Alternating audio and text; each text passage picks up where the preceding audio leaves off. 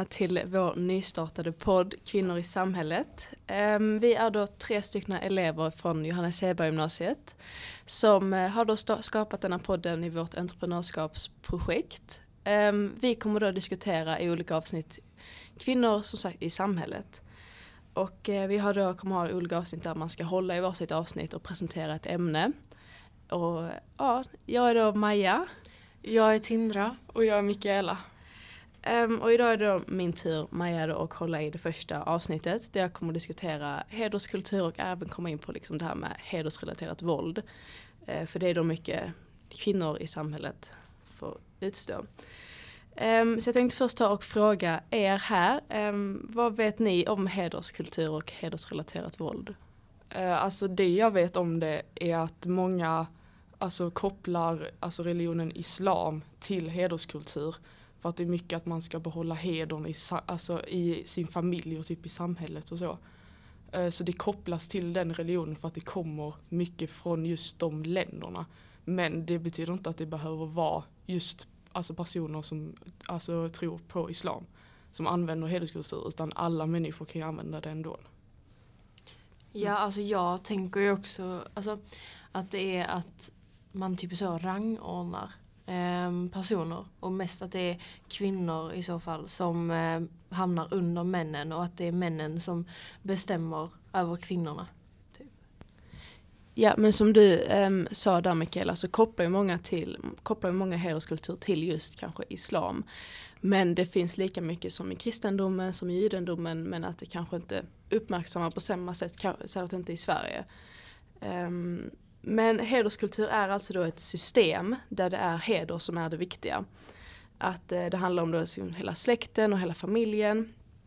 Att man liksom inte får smutsa ner den här hedern som är väldigt viktig um, har då en heder liksom smutsat ner av en viss person um, så liksom att man har fått dåligt rykte i familjen eller att det har hänt någonting så kan man då liksom bestraffa den här personen, det är liksom okej. Okay. Uh, då kan man kanske, ja men då, så hemskt som att döda den personen eller utesluta den från släkten.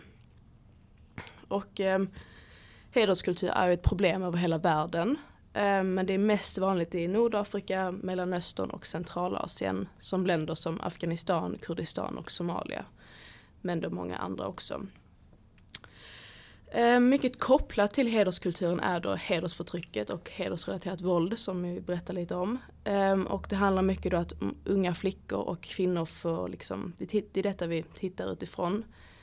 Ehm, killar är också med om detta men det är inte samma utsträckning som kvinnor för att i, ehm, i denna hederskulturen så är kvinnorna, liksom mannen äger kvinnan. Eh, det handlar om att man ska kontrollera liksom flickors liv och eh, det handlade om deras sexualitet. Det är det, det, liksom, det viktiga. Mannen äger kvinnans sexualitet. Eh, man får inte ha pojkvän och det är familjen som bestämmer vem man ska gifta sig med. Eh, vad de ska ha för kläder, och vad de får göra på fritid. Liksom. Det är väldigt kontrollerat. Eh, och kvinnan ska vara den här duktiga flickan som ska vara oskuld fram till giftermålet. Ehm, liksom det finns väldigt många flickor som typ försvinner under sommarlovet från skolor här i Sverige. För att de ska gifta sig med en kusin eller en släkting liksom, mot deras vilja. De kan vara väldigt unga. Eh, det kan vara liksom i grundskolan eller gymnasiet. Eh, och det är ändå väldigt många flickor som dör för att de utstår för detta. Liksom. Ehm, och eh, liksom motiv för förövarna anser att det kan vara fel att umgås med personer av motsatt kön. Ehm, de anser att vissa kläder bryter mot gruppens liksom, klädkod. Ehm, förövarna försöker tvinga offret till att genomgå ett arrangerat äktenskap och förövarna tolererar ej för eller utom äktenskapliga sexuella handlingar. Så jag tänkte till er här då, jag har lite quiz kan man säga med fem frågor. Um, så ni ska då få gissa liksom vad ni tror. Ja, så jag tänkte, uh, hur många tror ni i Sverige är drabbade av hedersrelaterat våld och förtryck? Oj. Den är svår att svara på egentligen. Mm. Alltså ska vi svara i procent eller vad? Nej det är alltså inte procent, hur många okay. det är. Ja. Alltså, jag vet, alltså det, kan vara, det kan ju vara jättemånga egentligen. Mm. Det är jättesvårt. Ja, men mm. tror vi att det är mer än en miljon typ? Gud, jag, Jag får tänka att det är i Sverige då är frågan. Här, frågan. Ja, Alltså okej. jag tror inte det är så många i Sverige. Fast alltså, det kan om ju man vara jämför mycket. med- Alltså hela vår befolkning. Ja men det kan ju vara många som utsätts för det men inte typ säger någonting heller. Det- Ja, men Ja. då är det ju mer Då vet vi ju inte om det. Nej det är sant, det är sant. jag vet inte. Vad ska vi säga? Eh, 500 000, 200 000. Ja, alltså några hundratusen. Typ, Ja. kanske. Mm. Mm. Ehm, från en undersökning jag hittade från ehm, riksdagen så 2017 så var det 240 000 ungdomar som är drabbade av detta. Så ni var ju ändå väldigt nära, det var inte Ja. en miljon.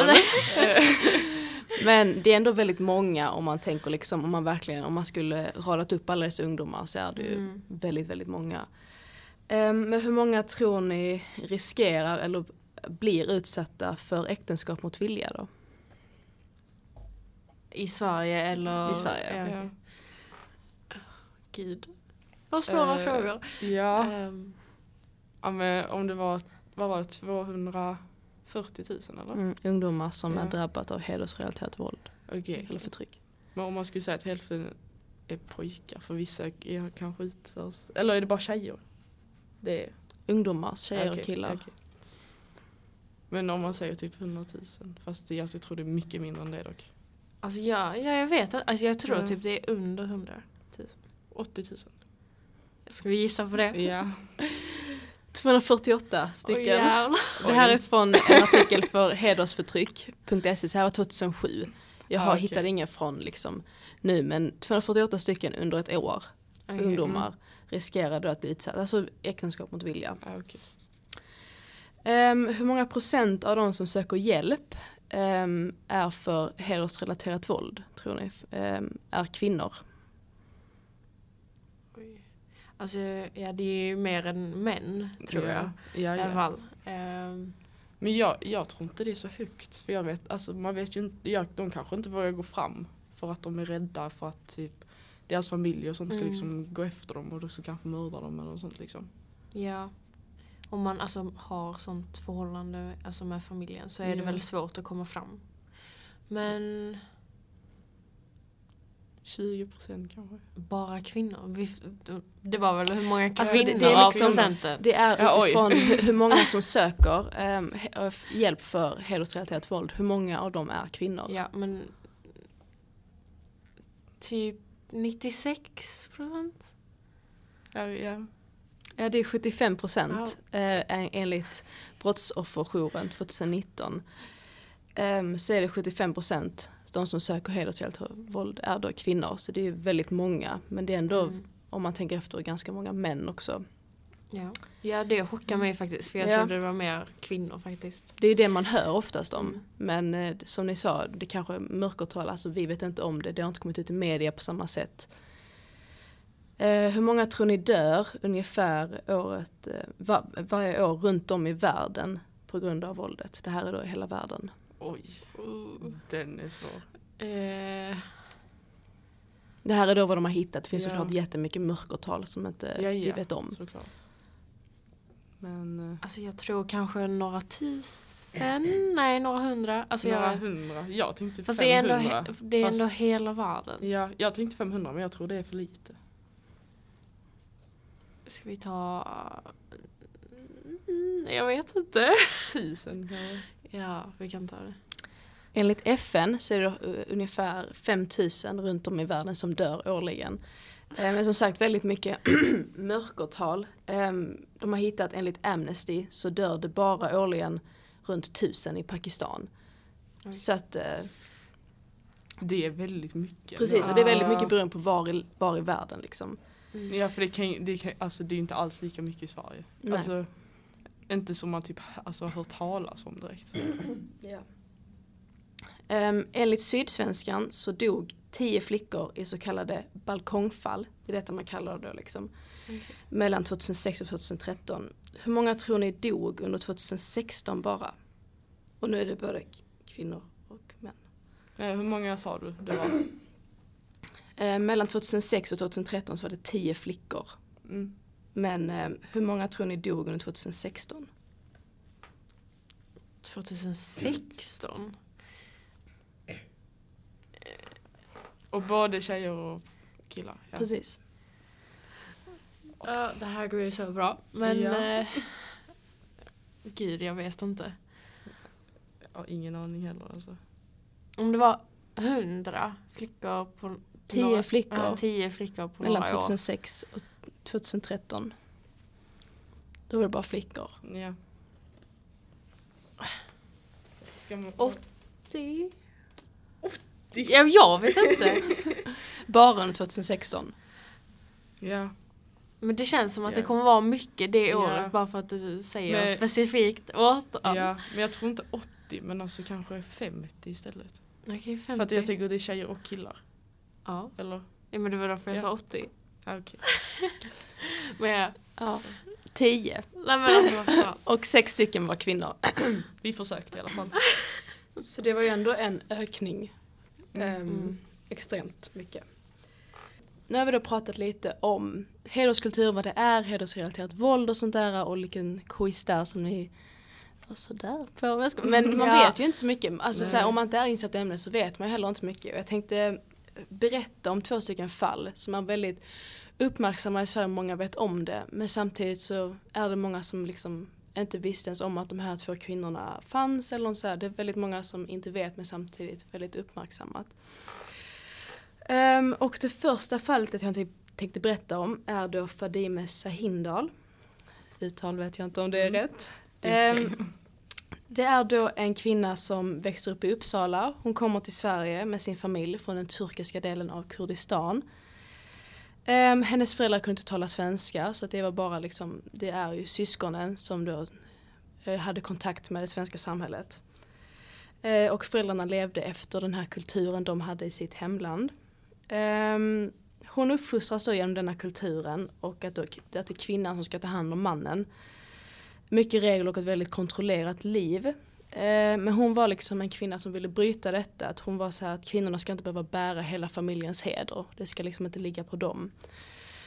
Eh, hon tände på gränserna, gjorde lite det som hon ville. Eh, och levde inte som familjen ville exakt.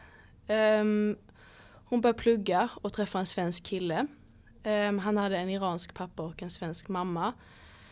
Och de var då tvungna att gömma sig för den familjen. För att de fick ju inte ha, hon fick inte vara tillsammans med en svensk kille. De hade ju planerat att hon skulle gifta sig med en kusin.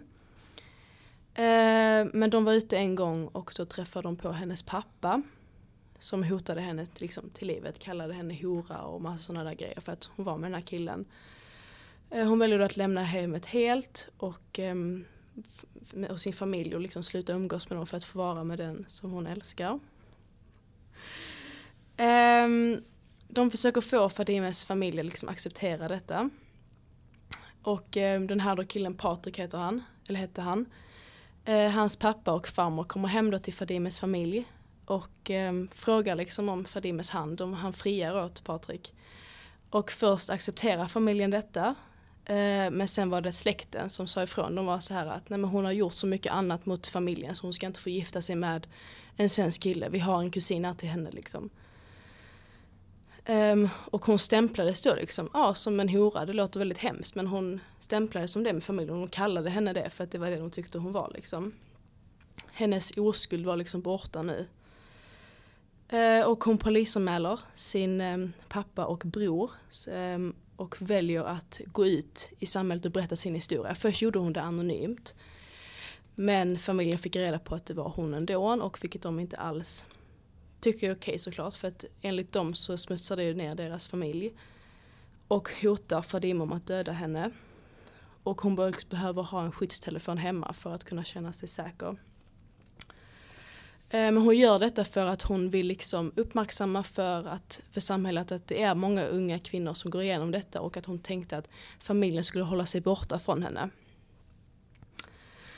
Eh, Pappan och brodern ställs inför rätta eh, vilket gör att familjen ökar mycket mer sitt hat mot Fadime och eh, hennes bror hotar henne till livet och är på väg att hoppa på henne under pausen i rättegången. Så att de får gripa honom eh, och han, ehm, pappan, och, pappan döms för olaga hot. Ehm, men hotet fanns fortfarande kvar mot henne och hennes pojkvän var liksom allt hon hade. Eh, de väljer att de ska flytta ihop men samma dag eh, dör han, Patrik, då i en bilolycka. Eh, och det fanns ju såklart tankar om att det här kommer för lägligt, det här måste vara någonting familjen har med att göra med för att varför skulle han, det kommer liksom för lägligt som sagt. Men polisen la in väldigt mycket och gjorde en väldigt stor undersökning om detta för grund av hotet. Men han körde för snabbt helt enkelt och fick vattenplaning och körde av vägen.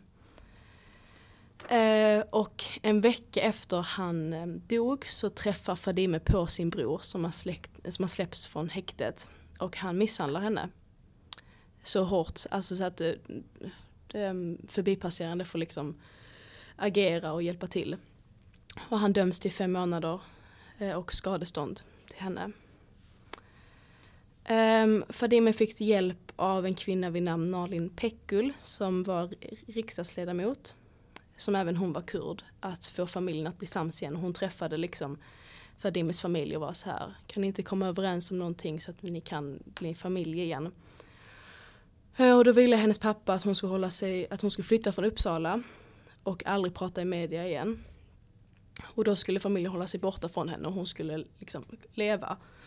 Så hon flyttade till Östersund och började läsa till socionom men rädslan finns såklart fortfarande kvar. Men också saknaden för hennes mamma och syster. Eh, så hon börjar kontakta dem i hemlighet, det är ingen som vet det. Ehm, sista gången Fadime framträder offentligt är ett seminarium om kvinnors våld och integration i Sverige i riksdagshuset. Här berättar hon om hennes erfarenheter om hur det är att leva som en utländsk flicka i Sverige. Um, hon är på väg att åka på praktik till Kenya och vill säga farväl till hennes mamma och syster, systrar. Så hon besöker Uppsala i hemlighet. Det här var väldigt stort att det skulle vara hemligt för att pappan och brodern inte skulle få reda på att hon var där. Eh, som umgås tillsammans och säger adjö. Och eh, plötsligt så knackar det på dörren och de kollar ut och där står Fadimes pappa.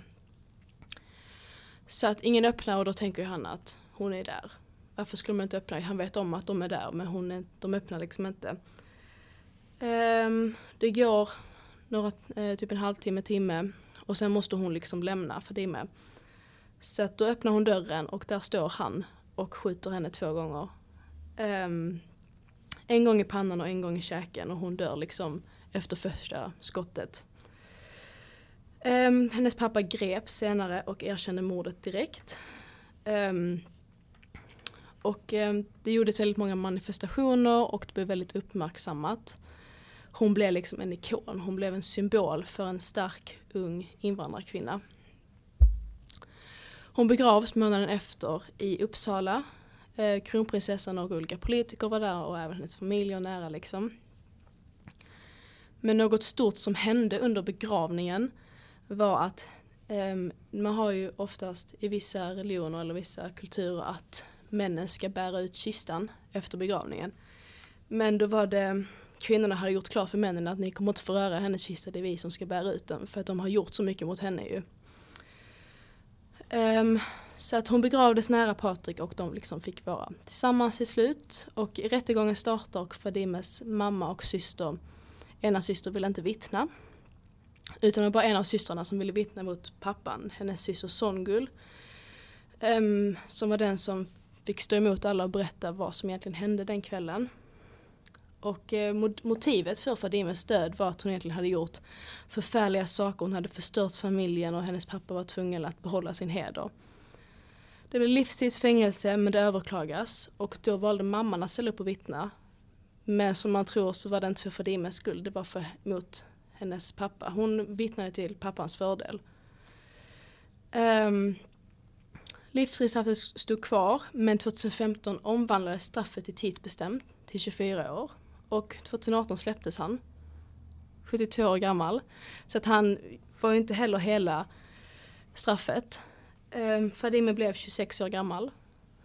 Eh, och det här har ju såklart uppmärksammat jättemycket även på grund av att han liksom släpptes. Vilket är jättekonstigt att man släpper som man dödat en annan människa. Men eh, ja, otroligt hemskt. Ja, alltså när du berättade om detta så jag, jag tänkte bara så hur, hur kan man göra så här mot sin egen dotter? Mm. För att alltså ä- alltså även fast man har liksom hederskultur så tänker man ändå så här, ja men eh, alltså pappan och liksom männen borde ju ändå älska liksom sina döttrar och så. Mm. Men det kanske de inte riktigt gör på typ samma sätt som vi gör i våra familjer typ. Som gör att det kanske blir lite annorlunda, jag vet inte. Ja, de kanske visar det på ett annat sätt. Ja men alltså sen det här med att de liksom måste ha en bra status och hela familjen måste ha en bra status. Alltså det ser de ju nog som alltså det viktigaste. Alltså Mm. över kärleken för sin familj och så. så att, men det är helt sjukt att liksom döda sin egen dotter för att ehm, alltså så, de hade ju redan löst det. Eller så. Mm. Men ehm, bara för att hon ville träffa hennes mamma och systrar igen så Mm. alltså det är liksom inte en anledning till att döda henne. Hon hade ju inte gjort fel från början heller. Nej. Enligt min mening. Och sen och sen när hon träffar den här killen att han ändå, att hans, hans pappa och farmor liksom kommer dit, ber om Mm. hennes hand. Väldigt mycket i den kulturen att pappan kanske ber om hand, alltså åt. Så att de gjorde ju Mm. allting på något sätt rätt sådär. Men det kanske var just att det var hon och de tänkte så här att om hon kan gifta sig med någon svensk då kommer de andra systrarna och kusinerna också tro att de också Ja. kan göra det. Ja, Det blir liksom fel. exakt. Lite. Ja. Alltså i deras synpunkt blir Ja. det fel. Men jag tycker det är jättebra att hon eh, alltså, alltså att hon gick ut liksom och berättade om detta. För att Ja. det är väldigt många som, alltså vi var ju inte jättebra på det quizet till exempel. Nej. Och det är ju för att man inte riktigt hör om det. Så Nej. det är ju jättebra att hon vågade gå ut om det. Och jag hoppas ju verkligen att de andra tjejer också känner så.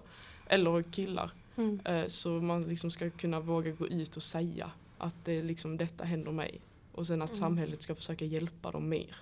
Mm, precis. Hon ville ju läsa till det här socionom för att hon skulle kunna hjälpa andra tjejer i hennes situation. Hon ville ju verkligen Ja. göra en förändring och det var därför hon liksom gick fram och berättade men så här är det för kvinnor som kommer från utlandet in till Sverige med denna kulturen att det är väldigt tufft och de lever liksom inte normalt som vi alltså uppväxta att vi får liksom leva mer fritt liksom. Ja.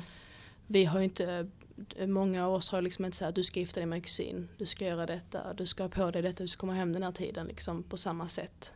Nej. Ehm, Nej alltså vi har ju inte den kulturen. Eller i alla fall har inte jag det. nej. Ehm, och liksom, men man förstår ju att mamman och systrarna blev mer alltså, rädda ehm, för pappan Mm. då eftersom mamman eh, liksom vittnar till pappans fördel. Precis. Och alltså det känns ju egentligen helt fel men hon är väl rädd att det ska hända något ännu värre Mm. mot henne eller ehm, hennes andra döttrar liksom. Mm.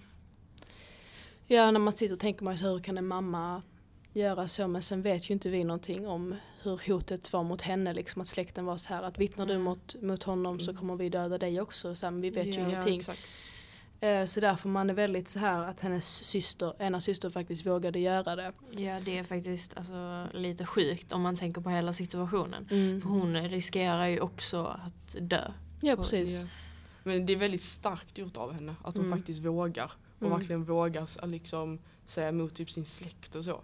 Ja, framför hela Sverige. Exakt. Ehm, den här familjen är väldigt stor i Sverige och ehm, jag tror det var, jag vet inte exakt men den här pappan då, hans, två av hans bröder sitter liksom också inne för mord. Ja. Eh, en Oj. av dem sitter inne för att han dödade sin exfrus nya man som jag tror var svensk. Jag är inte 100% säker men de sitter inne vet jag i alla fall. De har Mm. mördat någon så att väldigt stor släkt, väldigt mäktig. Och jag tänker att hedern där är säkert väldigt stor. Ja, Ja. Det, alltså om, en, om man bara har liksom sina närmsta liksom, Mm. runt sig. Då tror jag inte det är lika stor påfrestning att alltså, he, alltså hedern ska vara liksom på topp. Mm. och ingen får förstöra det.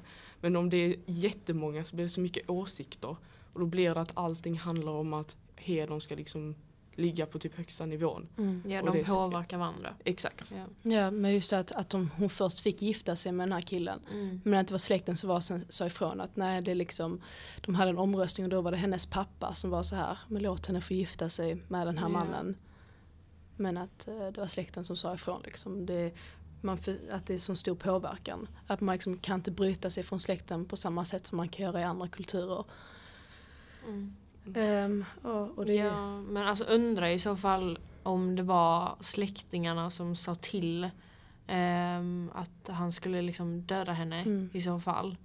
Eh, och typ så hur han skulle agera. För om han ändå typ så lät henne gifta sig med en svensk så känns det inte som att han är så involverad i det här med alltså heder ehm, för släkten som hans släktingar då.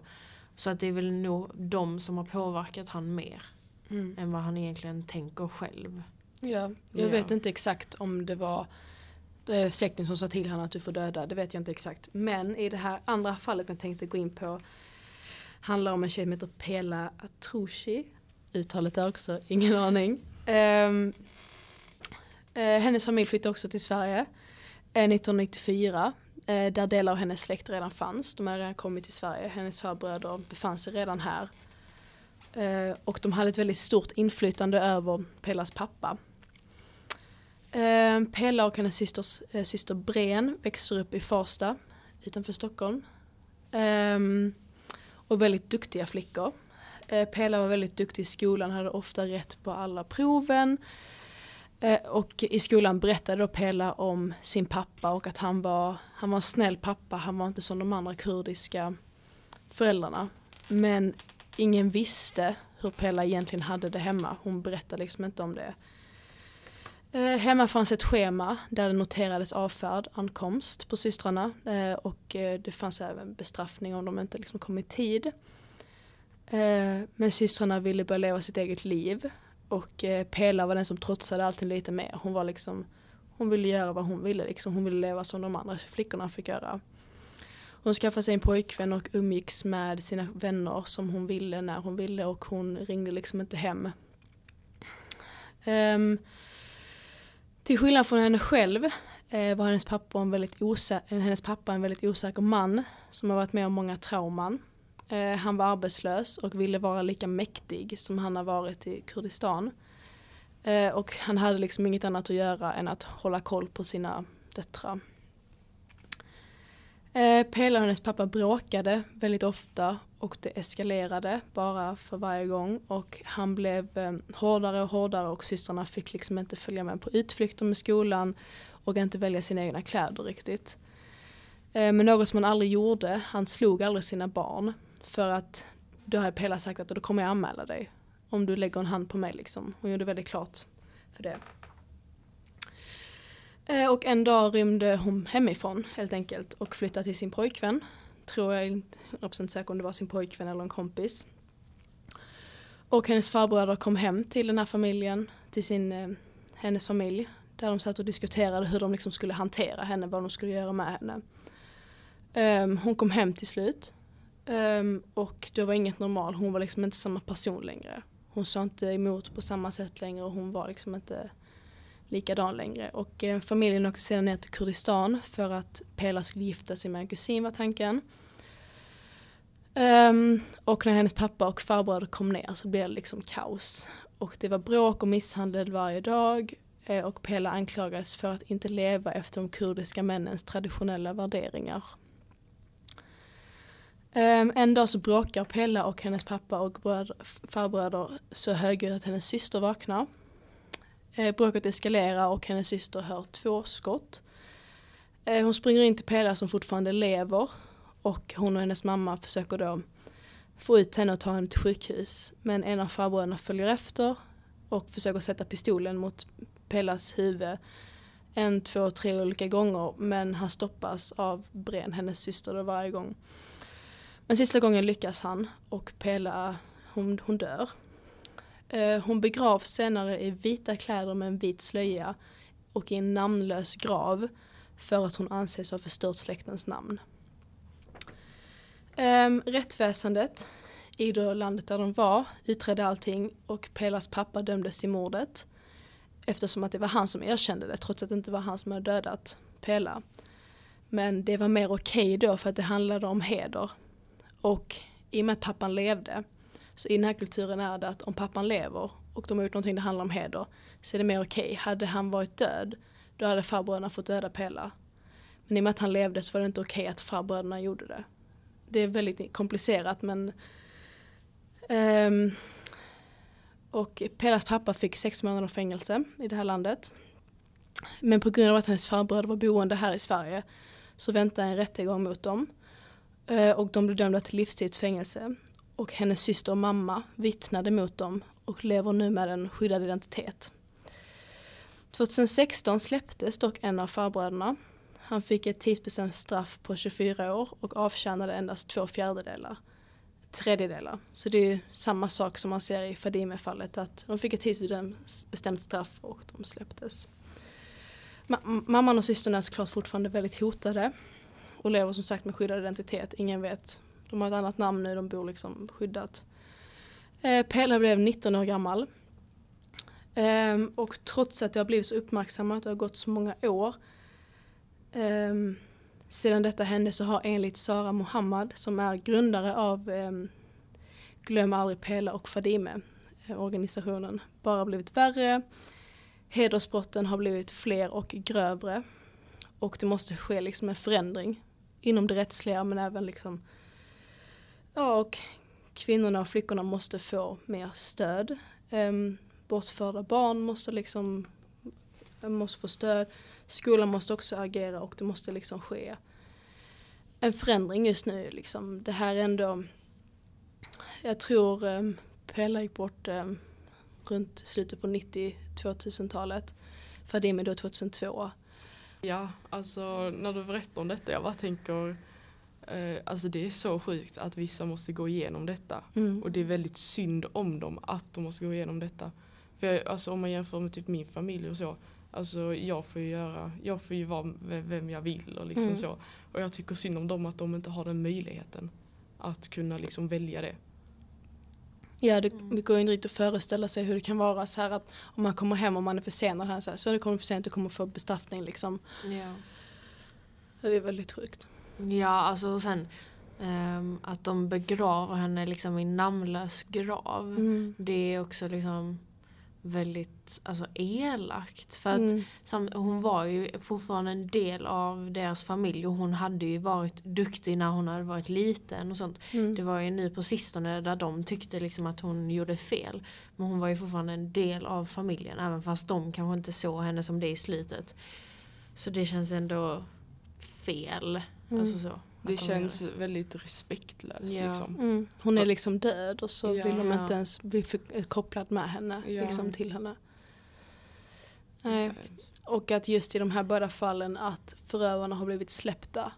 Det är liksom, jag tycker att är det ett hedersmord ska man aldrig någonsin liksom bli Fast släppt. vårt rättssystem i Sverige är ju inte heller jättebra. Men Nej. sen så fick han ju bara sex månader i Kurdistan. Nej, jag tror det var Det det. var väl pappan? Ja. Ja, och sex månader är ju inte Mm. mycket liksom. Det är jättelite. Det är inte tillräckligt. Det Nej. borde egentligen vara högre så man Om han, nu, inte är- ja, vill göra det liksom. om han nu erkände det Ja. och bara fick sex månader i fängelse, det är ju jättesjukt liksom. Och att på något sätt att det liksom accepteras i familjerna. Att liksom, jag vet det i Fadimes familj. Den här systern Songul tog ju avstånd från familjen. Hon har- hade ju kontakt men det var liksom inte på samma sätt att de fortfarande liksom umgicks i familjen och liksom levde inte vi, normalt kanske men att de liksom även fast någon i släkten hade liksom dödat Mm. ens barn.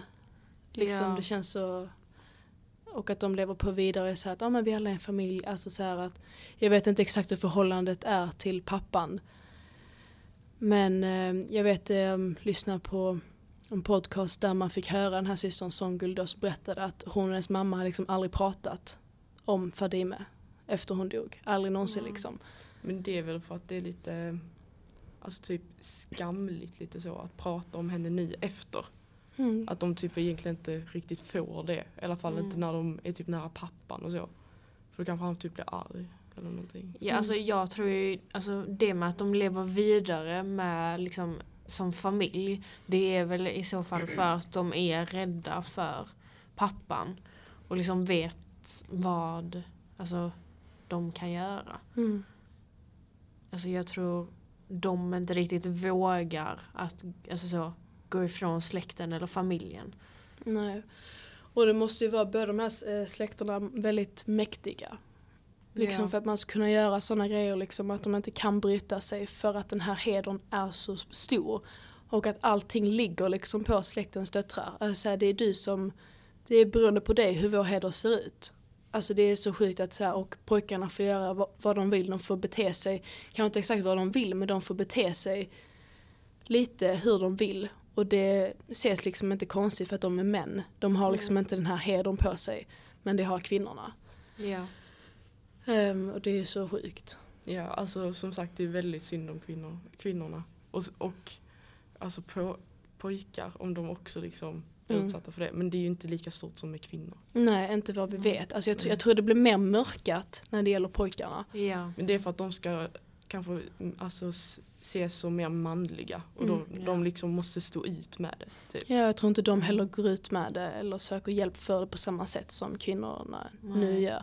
De har ju fått det mer, när de kommit till eh, Sverige med kulturen eh, där det här inte är liksom accepterat. Det är mer jämställt. Ja. Så har väl då de här kvinnorna varit så här att Nej men jag tycker inte det är okej, jag vill leva som mina kompisar gör, vi behöver göra en förändring, vi behöver få det mer jämställt. Mm. Så att, ehm, ja det är en förändring som behövs göras. Det behövs ju bli liksom bättre med att det blir mer jämställt. Ja. Och det jag Mm. tror, som de sa här, att det har mycket typ med skolan att göra. Att skolan är otroligt viktig ehm, för barn att lära sig om jämställdhet. Och att alla kulturer, att det är liksom inte okej. Att det som finns djupt inrotat. Och ehm, jag lyssnade också då podcast om Fadimes-fallet där hon var hemma hos den här eh, riksdagsledamoten eh, Nalin Pekku som också var kurd. Och det var grejer som hon berättade om som de liksom har pratat om så här som Fadime inte visste om. Som är väldigt så här, stor del av den kurdiska kulturen. Så att det är lite sjukt hur de har tagit så hårt på det här med heder. Men Mm. vissa grejer har de inte tagit med alls. Ja. Ja, det är lite sjukt. Alltså det, att man typ så tar en del som Mm. tycker, man tycker är jätteviktig men sen skiter man lite i det andra. Men eh, det är väl kanske också därför de tar så stort på heder i så fall. För att de inte tänker på det andra. Nej, precis. Och det är väl samma tänk med alltså där pappan, alltså när han inte hade någonting att göra utan att han ehm, så valde vad eh, döttrarna skulle ha på sig och när de skulle komma hem och allt sånt. Det är väl för att han inte hade någonting annat att göra och det var typ det enda han kunde liksom knyta sig an från eh, sin kultur kanske. Mm, det var det enda han kunde vara mäktig med. Ja. Liksom. Eh, Jag tror han har varit med om ganska mycket i det här sitt hemland. Som har påverkat han, det är det här Pela-fallet. eh, Som har påverkat han otroligt mycket. Mm. Och så han, jag tror inte han kunde jobba riktigt. Ehm, och jag tror även att socialtjänsten, jag är osäker om det var socialtjänsten som sa att Pela och hennes syster Bren skulle få en egen lägenhet för att det var liksom inte det funkar liksom inte så som han var liksom för att han har varit med om så mycket trauma så att han liksom kunde inte vara en pappa på ett kärleksfullt sätt liksom på det Ja. sättet. Ja då är det ju tur att de ändå fick, alltså, skulle få hjälpen att De- inte bo hos han längre. Liksom. De skulle, ehm, det var någon som tyckte de skulle göra det men ehm, den som till slut har sista ordet sa liksom att ehm, det inte var så brådskande. Så de fick ju aldrig. Det var inte så brådskande det fanns andra fall som var viktigare. Enligt dem. Det är ju är väldigt synd alltså. Mm, verkligen. Ja men alltså Det händer ju ofta så att ehm, man typ så väljer vilket fall som är brådskande och vilket som inte är det. Fast man egentligen inte riktigt vet och därför hade jag typ inte kunnat jobba så med alltså, socialen. För att du vet ju aldrig vad som är bråds- brådskande eller inte. Men när de ändå typ så hade nästan gått igenom hela processen så hade den personen lika bra kunnat alltså så, säga ja till Mm. det. Alltså så. Det känns ju bara onödigt att gå igenom en sån process igen senare. Mm. För att det, fallet inte var brådskande nog. Liksom. Mm. Ja, har vi något mer att snacka om? Nej, alltså jag tror vi har tagit upp det mesta ehm, om de här fallen då, även lite hederskultur och hoppas att ni som lyssnar har lärt dig någonting nytt och varit så här, fått reda på någonting som ni inte visste eller de här fallen kanske aldrig hört talas om. Pelle och Fadime finns såklart väldigt många fler. Men de, jag kan inte ta upp alla. Det finns jätte, jättemånga som Ja. har blivit Ja, dödade. ja alltså jag lärde mig mycket mer liksom. På Ja, quizet så hade vi ju ganska mycket fel. Men vi, alltså det, på quizet var det ju mer att Mm. vi sa högre antal än vad det Mm. var. Och, och eftersom det kanske finns mörkertal och sånt så kanske det Det kanske är mycket mer som Ja. inte vi vet om. Men eh, jag hoppas att ni som har lyssnat tyckte det var intressant. Så hörs vi väl i nästa avsnittet. Ja. Ja. Och vem är det som ska hålla i det då? Det är jag, Tindra, som ska hålla i det. Där vi ska prata om eh, droger eh, på klubbar. Att man liksom blir drogad när man är ute Mm. och festar. Tack så mycket. Ja.